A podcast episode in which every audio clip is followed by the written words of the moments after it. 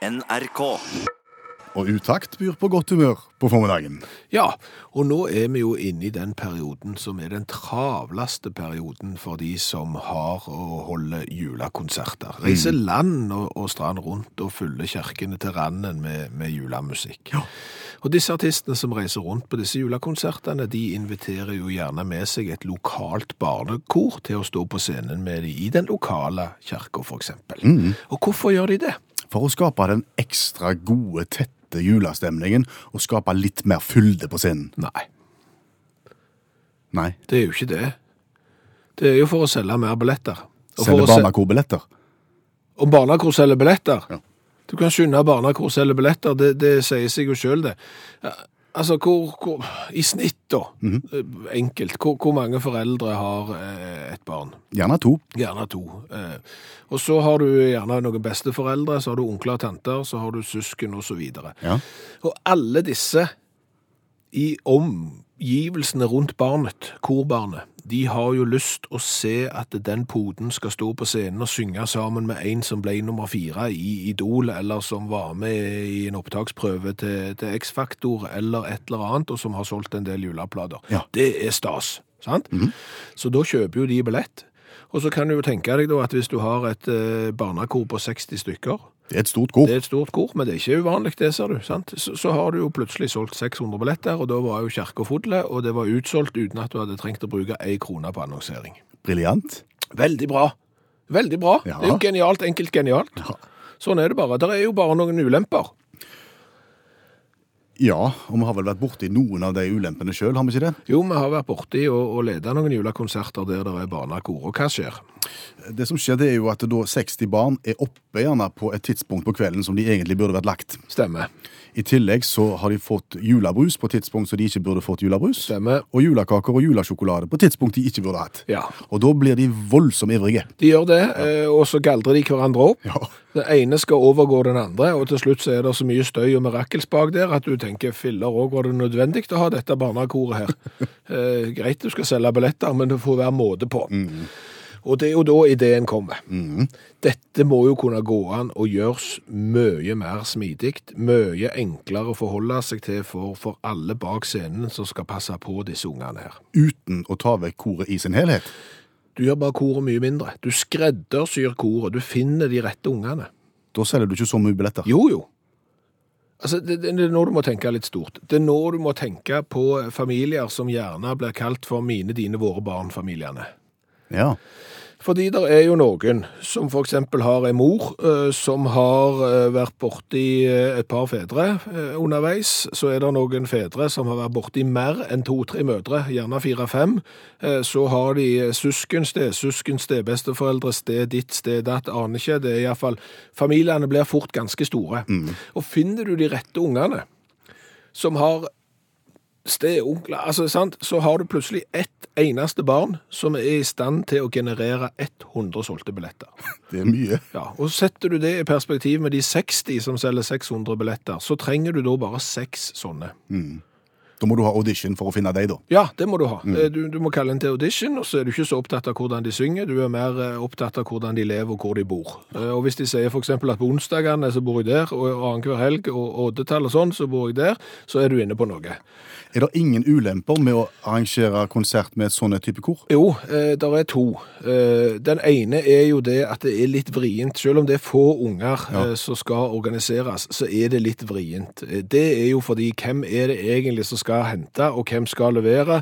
Og var det nå, klarer du å informere alle de impliserte om at det er øving onsdag klokka 13? Hva er onsdag? Er det det oddetalls? Eller er det partalls? sant? Sant? Og så er det, skal du hentes etter konserten og sånn. Så der er det Det er logistikkutfordringer. Der er logistikkutfordringer. Ja.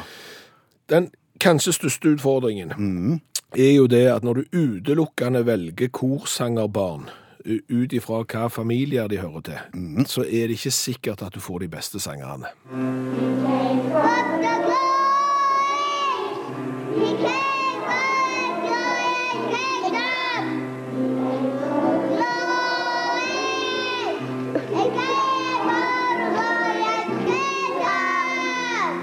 Jeg gleder meg til jul, jeg må si det. Jeg syns det er stas å få presanger, selv om jeg er blitt en voksen mann. Hvordan er det med deg? Mann 47, har du fått mye kjekt i presang de siste årene? Noe av det er jo kjekt. Jeg er jo òg kommet i en alder der det er ikke alle ting jeg har ønsket meg sjøl, som jeg får. Nei, for det er vi som har ønsket oss ting, ja. Ja, og, og når vi har ønsket oss ting, så vil det si at jeg har ikke ønsket meg det. Det er ofte da partneren som har ønsket seg det på vegne av oss. For å si det sånn, Hvis du skal oppsummere de siste årene, så, så vil jo jeg aldri på noen helst tidspunkt i mitt liv ønske meg strykejern, sengetøy eller gryte, eksempel. Nei. Nei. Men, men jeg har fått det. Det fikk vi. Ja, det har, det har vi fått. For- For det vi vel egentlig etterlyser, Mm. er jo den ultimate mannapresangen. Altså den, den der du alltid kan gi til en mann, for det er vel en presang som i mer eller mindre grad er i ferd med å fases ut. Ja. For den ultimate eh, mannapresangen for ikke så mange år tilbake, eksempel en CD. Ja. CD eller DVD Blu-ray. Det var jo en presang som du kunne gi til en mann uansett. Hva tid som helst, hvor som helst, og med hva artist og hva film som helst kunne det være. Og vi ble glad. Selvfølgelig ble vi glad. Ja. For det første er det jo enkelt å tenke, nå skal jeg gi presang til en mann. Hva kan jeg kjøpe? Jeg kjøper en CD. Ja, vet du hva musikk han liker da? Nei, men jeg kjøper en CD for de om. Og, og grunnen til det er jo at det, den kunne du gå og bytte i en artist du hadde lyst på. Men det var jo en håndfaste presang. Så kunne du også tenke, nei, han liker jo film. Ja, hva film skal du kjøpe? Ikke så farlig. Jeg kjøper hva film som helst, fordi han kan gå og bytte den etterpå. Og da slapp du å være en del av fellesen. Ja, Da slapp du å ønske deg strykejern sammen med noen. Ja, Ja. absolutt, fordi du kunne alltid få deg ei CD-plate eller en film. Nå finnes ikke CD-en, nå er det streaming. Nå finnes ikke filmen, for nå streamer du den òg. Ja, stort sett så er de eh, mer eller mindre vekke. Og det er jo sånn at det å gi gavekort er ikke så håndfast og er gjerne litt uglesett. Det, kan være kjekt å få gavekort, men, men det er liksom gjerne ikke 100% allment akseptert at gavekort i en liten konvolutt er en greie presang. For det er ikke noe å sitte og bla i, det er ikke noe å kose seg med på første dag. Nei, så hvis du får et gavekort da, for eksempel på sånn iTunes eller et eller annet abonnement på en streamingtjeneste på lyd, eller du får eh, et gavekort som tilsier at du kan laste ned en film og sånn, så er ikke det det samme. Nei. Nei. Men går det an å tenke ut en ny mannapresang, da? Nå når CD-en og DVD-en og Blu-rayen er vekke. Det går jo an å tenke det, men Går det an å tenke drill? det går an å tenke drill. Og Verktøy er kjekt, men verktøy vil jo aldri kunne ta plassen til CD-en og DVD-en, fordi det, det er ikke alt verktøy du trenger til hver tid. Nei. Så, så, så det. Bok. Jeg hiver inn bok som den nye mannapresangen. Bok har jo litt den samme egenskapen som CD-en og filmen har, at eh, du kjøper en bok, og så er du ikke så veldig opptatt av om vedkommende liker boka, fordi at han kan alltid gå og bytte den i en annen bok. Men utviklingen på bokfronten ligger jo bare noen år bak eh, CD-en eh, og, og, og DVD-en, så, så i år kanskje ja, i neste år kanskje òg du kan gi bok, år etterpå der, ikke sikker. Mannapresangen er rett og slett i ferd med å dø ut. Det er en truende presangart. Det er rett og slett at gjerne FN burde sette seg ned, eh, samles rundt det der bordet, få med seg eh, de der eh, statene som du ikke vil snakke med, Iran, Irak og, de andre òg, og rett og slett foreta, komme ned til, til en løsning. Hva kan være den ultimate mannapresangen i åra som kommer? Det var gjerne litt mye å løfte det helt opp til FN, kjenner Nei, jeg, jeg, jeg, jeg, nei jeg, tror vi må det. Ok. Hvor mange cola-varianter fra hele verden har vi smakt på nå? Om lag 140. Hvor lenge hadde vi tenkt å holde på med colatesting fra hele verden? Eh, Cirka fem flasker. Hvor lenge har vi holdt på? Ja, det er 135 flasker til. Ja, faktisk. Og gjør du det om til uker, så ser du at det blir år av det. Og hvorfor har vi klart å holde dette gående så lenge? Fordi at uh, lytterne til Utakt er verdens beste, og de er òg et farende folkeslag. Eh, de reiser land og strand eh, rundt og, og tar med seg cola hjem og sender til oss. Sånn at vi kan smake og teste. I dag skal vi til Sør-Amerika. Ja, vi skal til Peru og teste Peru-cola. Hva vet vi om Peru-cola? Eh, vi kan jo la de ansvarlige for Peru-colaen få lov til å fortelle det sjøl. En 1947, en Ica, una familia de emprendedores peruanos empezó un sueño que hoy puedes disfrutar en cada botella. Porque el sabor y la calidad del Perú corren por nuestras venas. Grupo Perú Cola. Hoy el Perú sabe mejor. Ja, da vet vi det. Ja. Kan, kan, du, kan du ta no, essensen i jeg, det han sa? jeg aner ikke hva de sa, helt ærlig. Jeg aner ikke, men det var det rette språket, og det var firmaet som sto bak. Det som er greia her, eh, firmaet bak heter Don Jorge.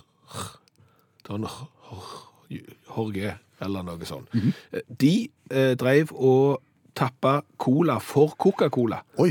Og hadde òg senere Inca-colaen, som vi har vært borti. Ja.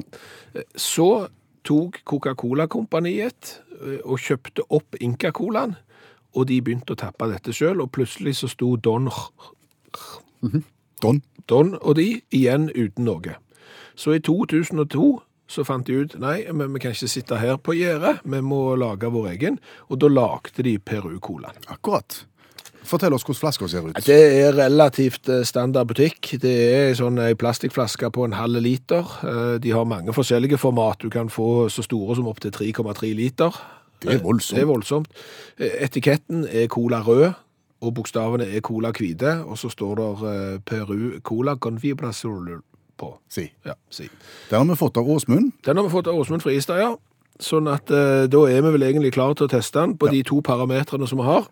som er smak, og som er kul faktor, altså design, utseende. Begynner med smaken. Begynner med smaken, og det som jo er kjekt å se, er at kullsyra har overlevd turen fra Peru. Det bobla livlig. Og vi kan se, si at den er fin og svart på farge, ikke sånn brun gjennomsiktig som noen er. Og den lukter tuttifrutti.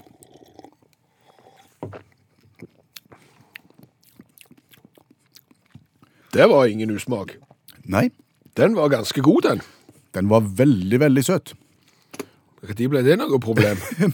og så føler jeg at det er kanskje en liten touch av en eller annen lime eller noe i bånn her. Denne kunne jeg pøst. Denne kunne jeg ha pøst. Det er pøsekola. God på smak. Ja, Absolutt. Ingen problem i det hele tatt. Den går inn på en sjuer hos han far her. Da eh, trekker jeg ned til seks i smak. Hvor kult er dette? Eh, Det er kult at det kommer fra Peru, eh, og det er kult at de begynte å lage sin egen cola etter at eh, Coca-Cola-kompaniet tok med seg rubbel og rake og reiste sin vei. Eh, Men, Men kan, selve- kan, vi, kan vi la det trekke opp når du ser på flaska og designet? Nei. Ja, du kan nok ikke det. Jeg, her er det jo alle altså her, Hvis du skulle lage Peru-cola, så burde du vært på framsida her. Så kunne du hatt et sånn et orkester vet du, som sto med panfløyte og poncho og greier og et eller annet på for virkelig å si at dette er Peru-cola. Istedenfor så går du i fella og prøver å kopiere originalen. Sorry, tre. Enig. Tre.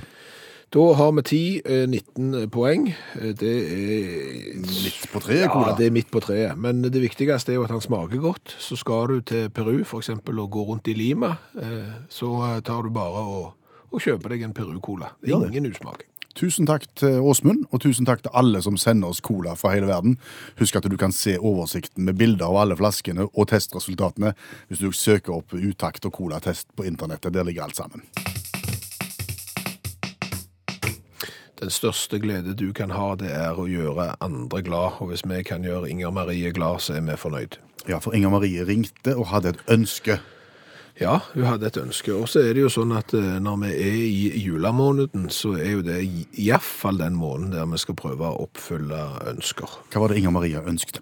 Hun hadde hørt en historie en gang om noen som ga hverandre ei bukse fram og tilbake, fram og tilbake, år etter år, og innpakkinga ble mer og mer spektakulær. Men hun klarte ikke helt å huske hvor har jeg hørt den, hvor har jeg lest den, hvor er nå dette her greiene henne. Vi hadde lyst til å hjelpe Inger Marie, så vi spurte på radioen i går hvor kommer den historien ifra.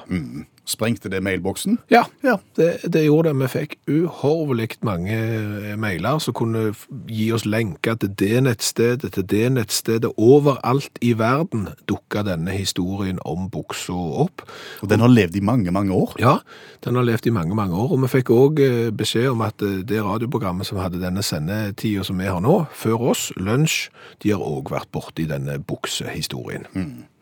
Men veldig mange av de som skrev inn i går, spurte er ikke mulig å få høre den historien en gang til, vel? For den er såpass god, og vi har glemt noen av detaljene. Men, men kan vi få prøve en gang til? Ja, eh, så, så det har vi gjort. Vi har sømfart alle avisartikler vi har funnet, og alle nettartikler for å sy sammen denne historien eh, på ny.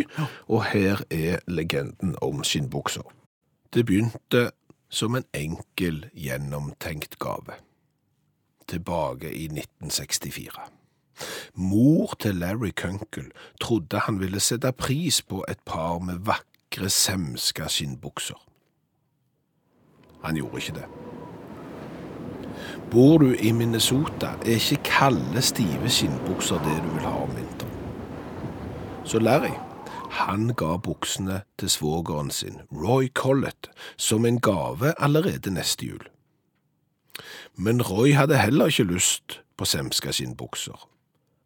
Så han gjengjeldte tjenesten og buksene den påfølgende julen.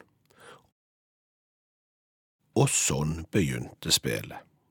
Hvert år, buksene fram og tilbake, fram og tilbake. Et år så tok Roy spillet til et helt nytt nivå. Han vrei buksene i en spiral og putta de inn i et galvanisert rør som var én meter langt, men det var ikke videre enn to og en halv centimeter. Vrient å få ut buksene da. Den neste julaften så bretta Larry buksene i en 20 centimeter kube og surra store mengder med ståltråd rundt pakken. Innpakkingen av buksene ble mer og mer forseggjort, og svogrene måtte lage seg et sett av regler. 1. Buksene skal ikke kunne bli skada av innpakkingen eller av leveringen. 2. Du må bare bruke lovlige og moralske innpakningsmetoder. Det betyr eksempel at du ikke kan legge buksa inn i et kadaver, eller feste sprengstoff til buksa som går av når du pakker den opp. Så begynte svogrene på han igjen. Roy la buksa i